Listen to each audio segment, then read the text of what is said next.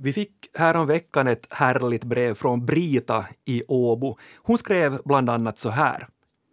Jag undrar varifrån Sverigesvenskarnas puddingar kommer. För oss finlandssvenskar är ju pudding en efterrätt.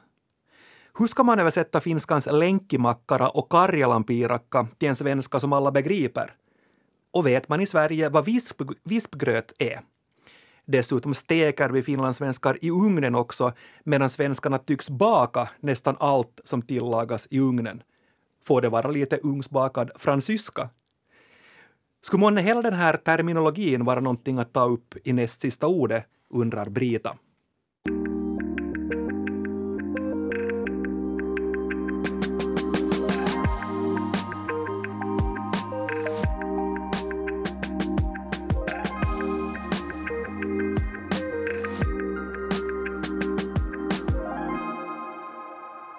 Näst sista ordet tillagas idag på hög värme i cirka 30 minuter och kockarna heter Jens Berg och Jenny Silvin. Hej!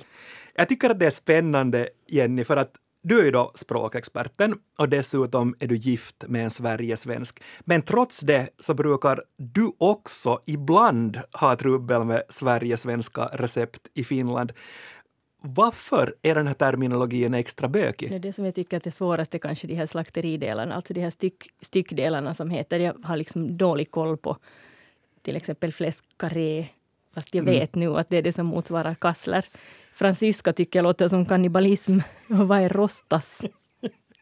ja. Flintastek och så vidare. Lite har jag ju faktiskt läst på nu här mm. inför programmet också för att ta reda på vad som är vad. Men det tycker jag är svårt. Ja. Och sen är det här att, att ofta är det också lite osäkert vad som är en, en produkt och vad som är ett produktnamn. Att, till exempel just det här keso och kesella som ju är sånt här som man ofta går bet på eftersom de heter, vi har liksom inte samma produktnamn, varunamn. Nej i våra affärshyllor. Nej. Och sen är det väl också, antar jag, en del att, att, att för oss finlandssvenskar, den starka finska, finska influenserna på vårt, på vårt språk. Jag tänker just sådant som mat och mattraditioner, till exempel karelsk stek, karjalanpajs, det är egentligen exakt samma sak som kalops. Det är ju det det är, just alltså rotsaker och kött som har puttrat länge och långkokt. Och, och sen det här att vi kallar saker lådor. Och det, jag vet inte vad som har påverkat vad, men lådorna heter sen latikoita på finska, just de här kålrotslådorna, morotslådorna. Mm. De är inte helt okända i Sverige heller. Till exempel strömmingslåda finns och då är väl nog historien, man, man sätter dem i någonting, en form som liknar en låda och så bakar man dem i ugnen tills det är mjukt och gott och mumsigt. Men äh, strömmingslådan finns, men, men till exempel makaronilådan heter makaronipudding och sen finns då den legendariska korvkakan som ju alltså motsvaras av vår leverlåda. Härligt! Vi har också kallat in förstärkning idag enligt devisen ju fler kockar, desto bättre soppa. Välkommen till näst sista ordet, Katarina Sunesdotter. Tack för att jag fick komma.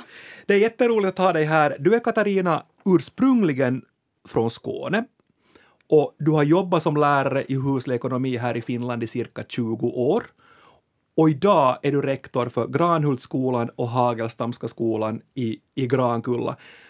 Om vi börjar då med, med det här som Jenny var inne på med ingredienser och, och, recept. Vilka skulle du säga, Katarina, är de vanligaste missförstånden som, som uppstår när vi här i Finland använder oss av recept eller kokböcker från, från Sverige?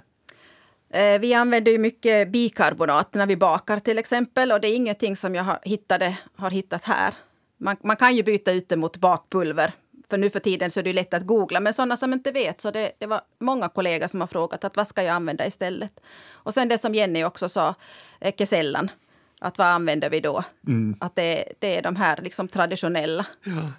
Och om jag vänder sen på steken, ursäkta uttrycket, men du har då rötterna i i Sverige och när du, och när du handlar här, här i Finland och går in i en butik, vilka grejer saknar du? Är det så där att, att du har recept och så där som du skulle vilja tillreda men så finns inte de här grejerna på, i, i din matbutik här? Ja, visst är det så att till exempel till julen så brukar vi använda brunt senapsfrö till eh, lutfisken när man gör såsen, att det ska vara en senapssås. Och, och det finns inte här helt enkelt. Så fortfarande så när jag är i Sverige så tar jag med det hit, för att det, det, får man inte. Och i, faktiskt då när jag flyttade hit 88 så mandelmassa kunde man inte heller få i Finland på den tiden. Nu får man ju mandelmassa i butiken, så det behöver jag inte importera. Och sen tunnbröd var en annan sak som, här är det ju reska, men det är inte riktigt samma sak fortfarande. Nej. Jag tycker att tunnbrödknäcke är en fantastisk uppfinning som jag brukar hamstra när jag är i Sverige. Ja, det är också en. Vi bad också er i publiken att skriva in till oss om era utmaningar i receptvärlden. Vilka ingredienser har vållat er bekymmer och vilka eventuella katastrofer har det lett till i köket när ni har följt ett sverigesvenskt recept?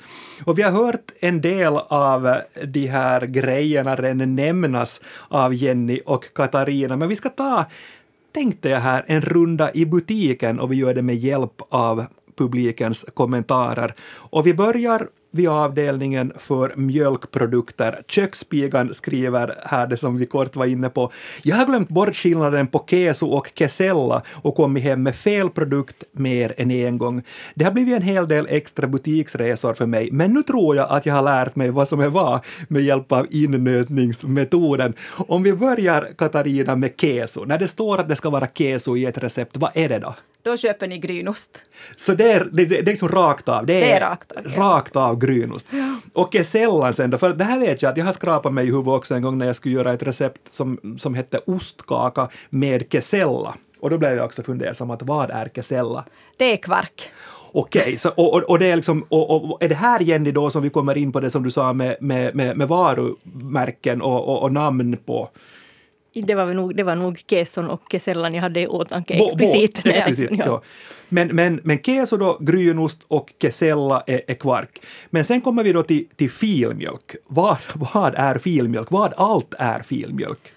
Jag tycker det finns inte riktig filmjölk här i Finland, men surmjölk är väl det som är närmast filmjölken. Ja. Fast det, surmjölken är lite tunnare. Så filmjölken är tjockare än, än surmjölken. Ja. Men är surmjölken samma som pime? Har ni surmjölk i Sverige? Vi har inte det. Nej. Nej. Men skulle man kunna få till filmjölk till exempel genom att blanda fil och surmjölk? Skulle man komma närmare då? Eh, det kanske man skulle kunna göra, ja. ja. ja. ja för jag tycker själv, för mig tycker jag att, att fil, den svenska filmjölken känns också lite främmande. Mm. Att när jag vill ha fil så då vill jag ha den här finländska. Ja, den där lite tjocka, så, liksom. tjocka, ja, tjocka lite slemmiga, ja. lena. Mm. Men kanske Som min någon, ja. svenskfödda man tycker är vämjelig. Men kanske är det någonting med det med sur också som inte är jättebra, alltså, att det är surmjölk.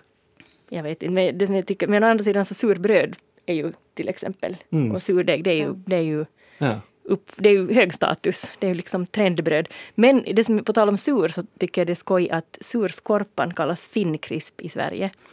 Och det här har jag tyckt är lite konstigt ända tills, eller finnkrisp vadå, liksom att, att måste man poängtera att den är finländsk. Visserligen så inte, inte mig emot, det är ju ett gott bröd och sådär, men, men jag har en vän som förklarar nej men surskorpa låter jätteäckligt. För hon tänker på sårskorpor. Ah. och det vill man inte äta. Och sårskorpa, det, jag menar vi i Finland talar ofta om skorvar, men faktum är att, att sårskorpa är det som ja. används i Sverige. Vi går från mjölk och ostdisken till mjölhyllorna. Signaturen AM har skrivit så här till oss. Jag har trubbel med de olika mjölsorterna i recept. Är spältmjöl detsamma som dinkel?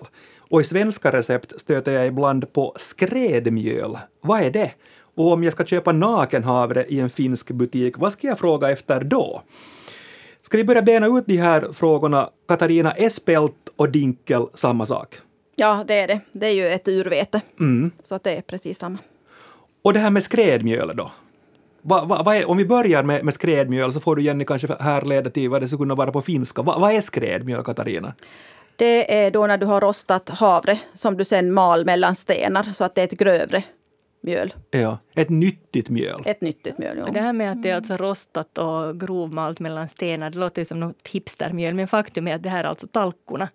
Det här som finns i jättemånga finländska recept, ett mjöl som jag brukar gå förbi i affärshyllorna för jag inte riktigt har haft koll på hur man använder det. Ja. Men det är alltså det, så att skrädmjöl är talkorna. Och i, i, Finland så ser de här talkorna lite olika ut beroende på var i landet det kommer ifrån. Att ofta är det, ibland är det gjort på havre, ibland är det gjort på korn. Ibland kan det ett tillskott av till exempel havre med ett tillskott av baljväxter, alltså ärtor eller bönor eller korn. Så det är re- regionalt Men där. det här Ja. att det, det ska vara rostat och grovmalet, Ja. det är det som är kännetecknande för det. Och, och då hade vi nakenhavren ännu. Ja, det är ett oförädlat havre. Ett uråldrigt Ja. faktiskt. Så att. Men det är intressant hur de här uråldriga kom, plötsligt låter som hipstersorter. Alltså nakenhavre, både, både namnet och sen Ja. att det plötsligt dyker upp från ingenstans. Ja, visst. Enkornsmjöl också. Ja. Och, och det som blir ännu mer förvirrande är när en viss mjölsort sen ska ingå i en rätt som man kanske är lite osäker på. Och här, här några rätter som åtminstone jag är osäker på. Men det ska vara mjöl i raggmunkar. Va, va, vad är raggmunkar? Förlåt att jag skrattar. Tycker om ordet. Raggmunkar, det, det, är, det är nästan som en pannkakssmet, men så ska du ha råriven potatis. Ganska mycket i det.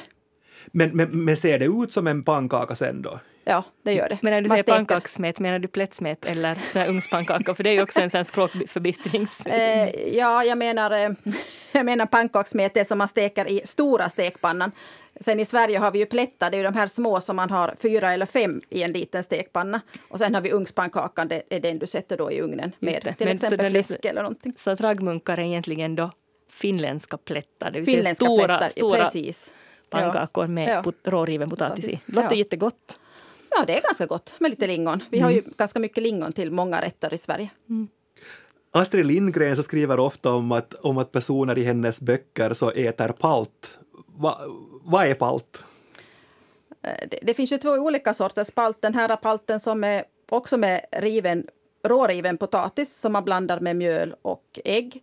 Och sen eh, kokar. Man gör en liten boll av det och så lägger man in något fläsk eller någonting i den. Så kokar man den. Eh, sen finns det ju blodpalten också som är kanske det som man tänker mera där i Astrid Lindgrens världen. Att, eh, och den gör man då på blod. Men har mjö, mjölet också, ganska mycket rågmjöl. Så den är mycket brunare.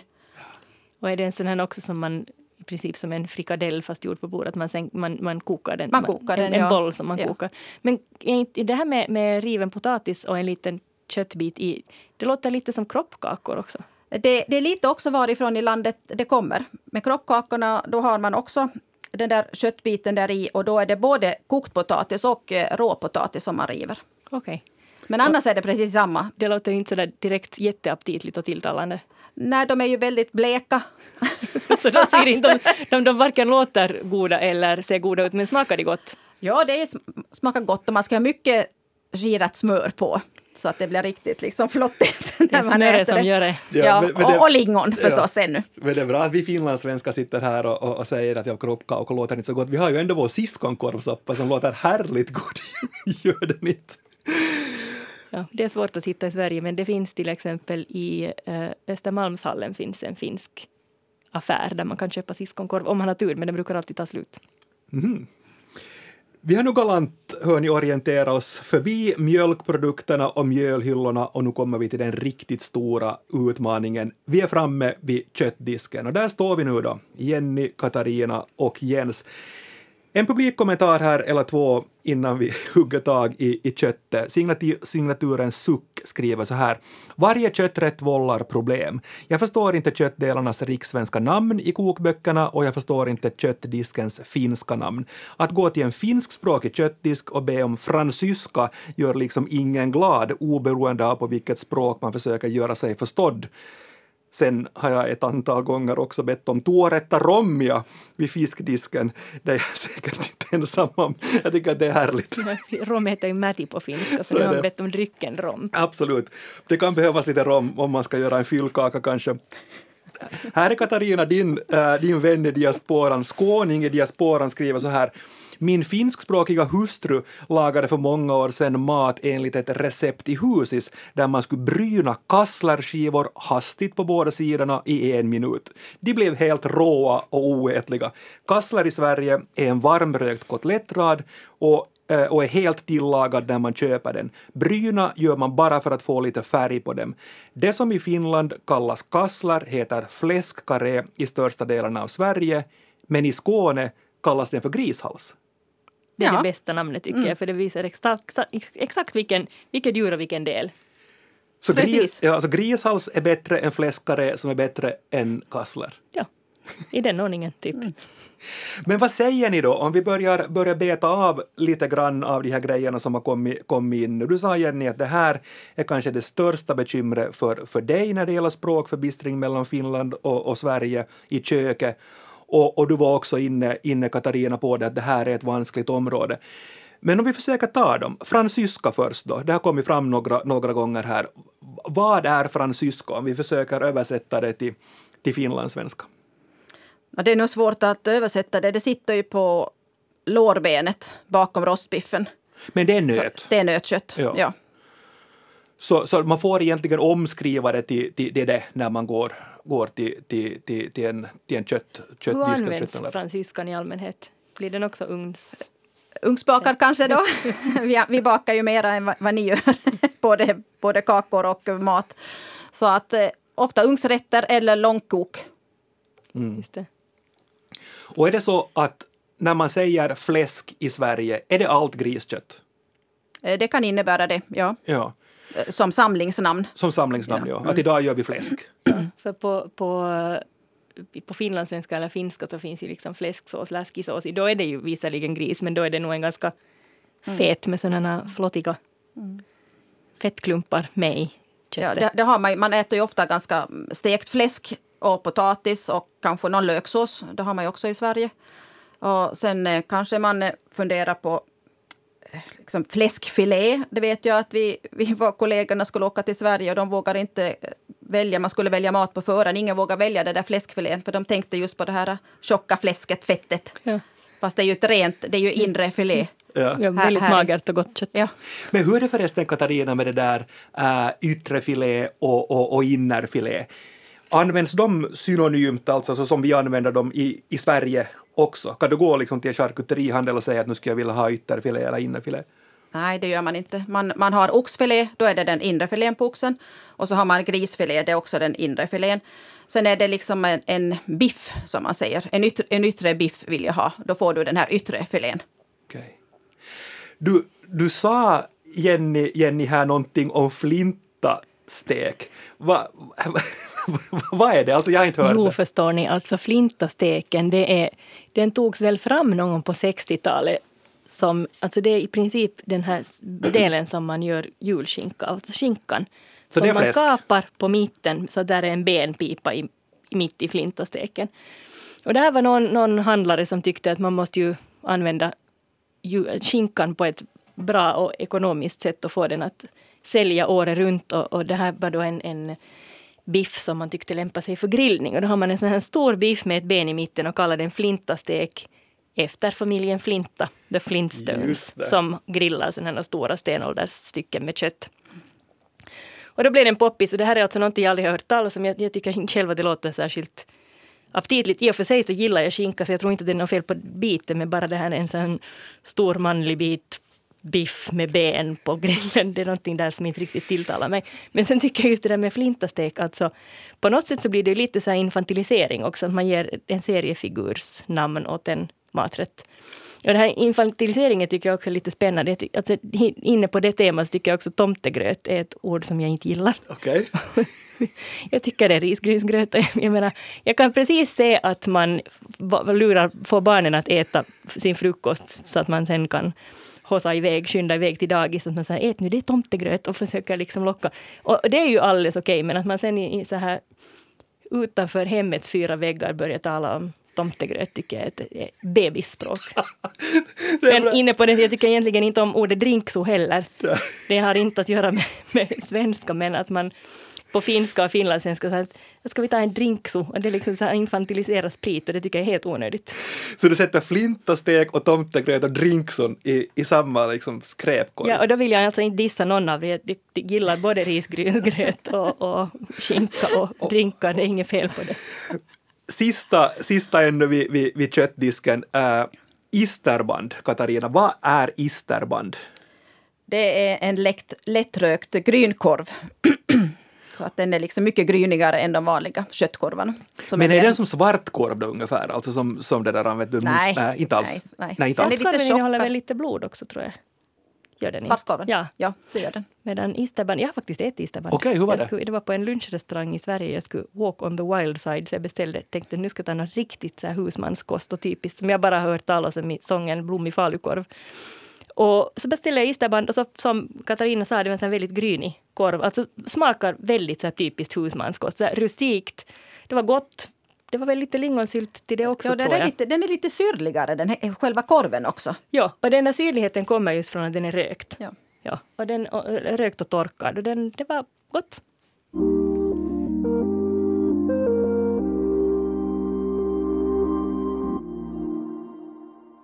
Signaturens sångare skriver den finlandssvenska ungdomskören tillfrågades av sina rikssvenska värdar vad de ville ha vid ankomsten sent på kvällen. Semlor skulle vara gott, sa finlandssvenskarna och väntade sig inte fastlagsbullar, vilket de fick. Det här med semla och fastlagsbullar, ja, det är, ju en, det är ju en klassiker på samma sätt som örfilar och eh, kanelbullar. Vilka andra exempel kommer ni på när det alltså handlar om, om, om samma maträtt eller, eller samma ingrediens men, men att de har olika namn på finlandssvenska och, och i Sverige svenska? Har ni exempel på det här? Jag brände ju redan av den här korvkakan. Nej, den men den är så skoj i leverlådan. Ja. Sen alltså korvstroganoff tycker jag är intressant. Och det är alltså vad jag skulle kalla alltså bara korvsås med potatis som vi brukar äta hemma hos oss. Sen är ju stroganoff en lite annan rätt, alltså vår finländska stroganoff. Och då är det ju alltså nötkött ofta som man strimlar och, och har i en lite syrlig tomatsås med kanske lite saltgurka och syltlök i. Och sen falukorven, som jag ju också nämnde här just, blommig falukorv, men det alltså motsvarar HK Blö, alltså sån här korvkringla. Så det är liksom länki, länkimackar, länkkorv så är synonymt med falukorv.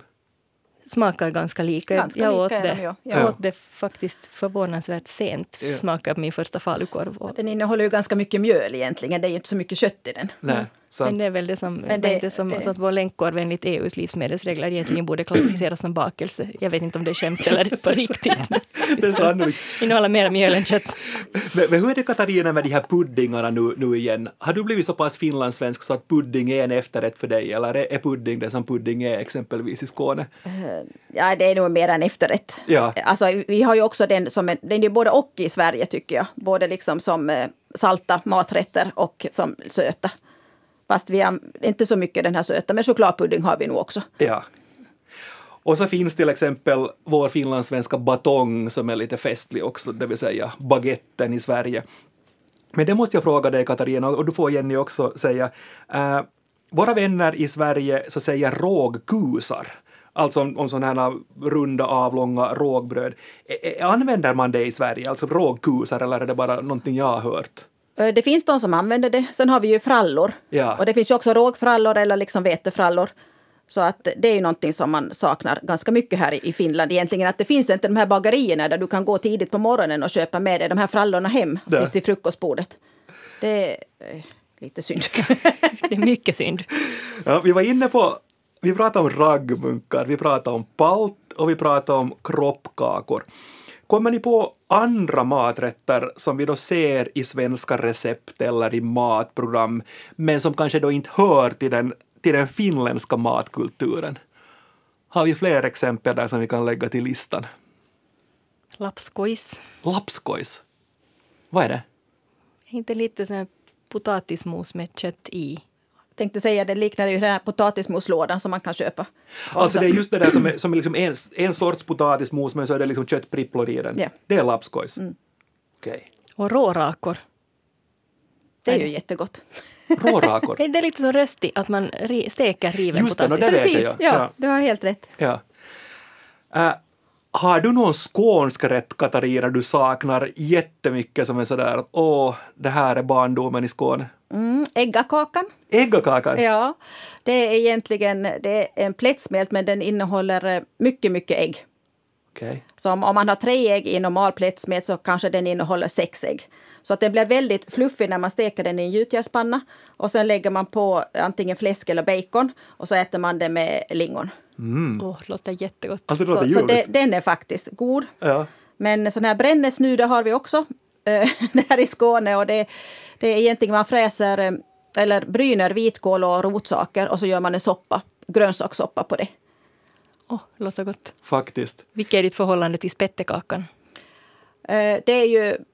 Mm, den är inte så god egentligen faktiskt. Det tycker jag inte heller. Men vad är, spett, alltså, vad är spettekaka? Det väl lite Det- sen split, spritsad kaksmet. Jag vet inte riktigt, är den, är den sen gräddad i ugn eller friterad? Eller vad, är- vad är det Eh, den, man gör med den, den? Över varm, en het eh, öppen eld egentligen, så man eh, har en strut som eh, rullar hela tiden. Och så spritsar man på den där struten så- det kommer ett jämnt lager. Så att det blir som en pyramid. och det är egentligen ägg och socker bara. Den ser lite ut som en struva egentligen, men, men struvan är ju då friterad. Men Ja. den här är då stekt. Stekt, ja. Vi ska återknyta, var ungefär. Vi ska återknyta till, till, till det Brita hade, hade skrivit här också och hon ställde då en fråga också om man i Sverige känner till vispgröt.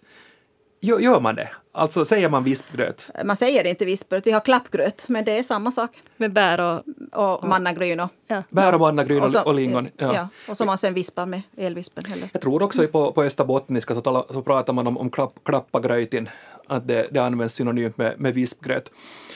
En sista publikkommentar här som kanske sammanfattar hela den här problematiken väl och det är Paprikan som skriver.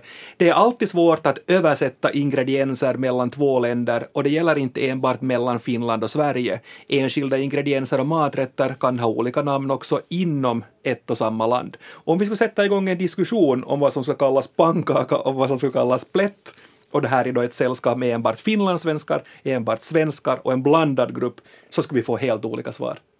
Ja. Ganska bra. Ja. Av paprikan. Ja, som avslutning på varje avsnitt så plockar vi fram ett bortglömt ord, ett ord vi tycker att kunde användas oftare. Och idag är det jag som har valt ordet och ordet är gästabud.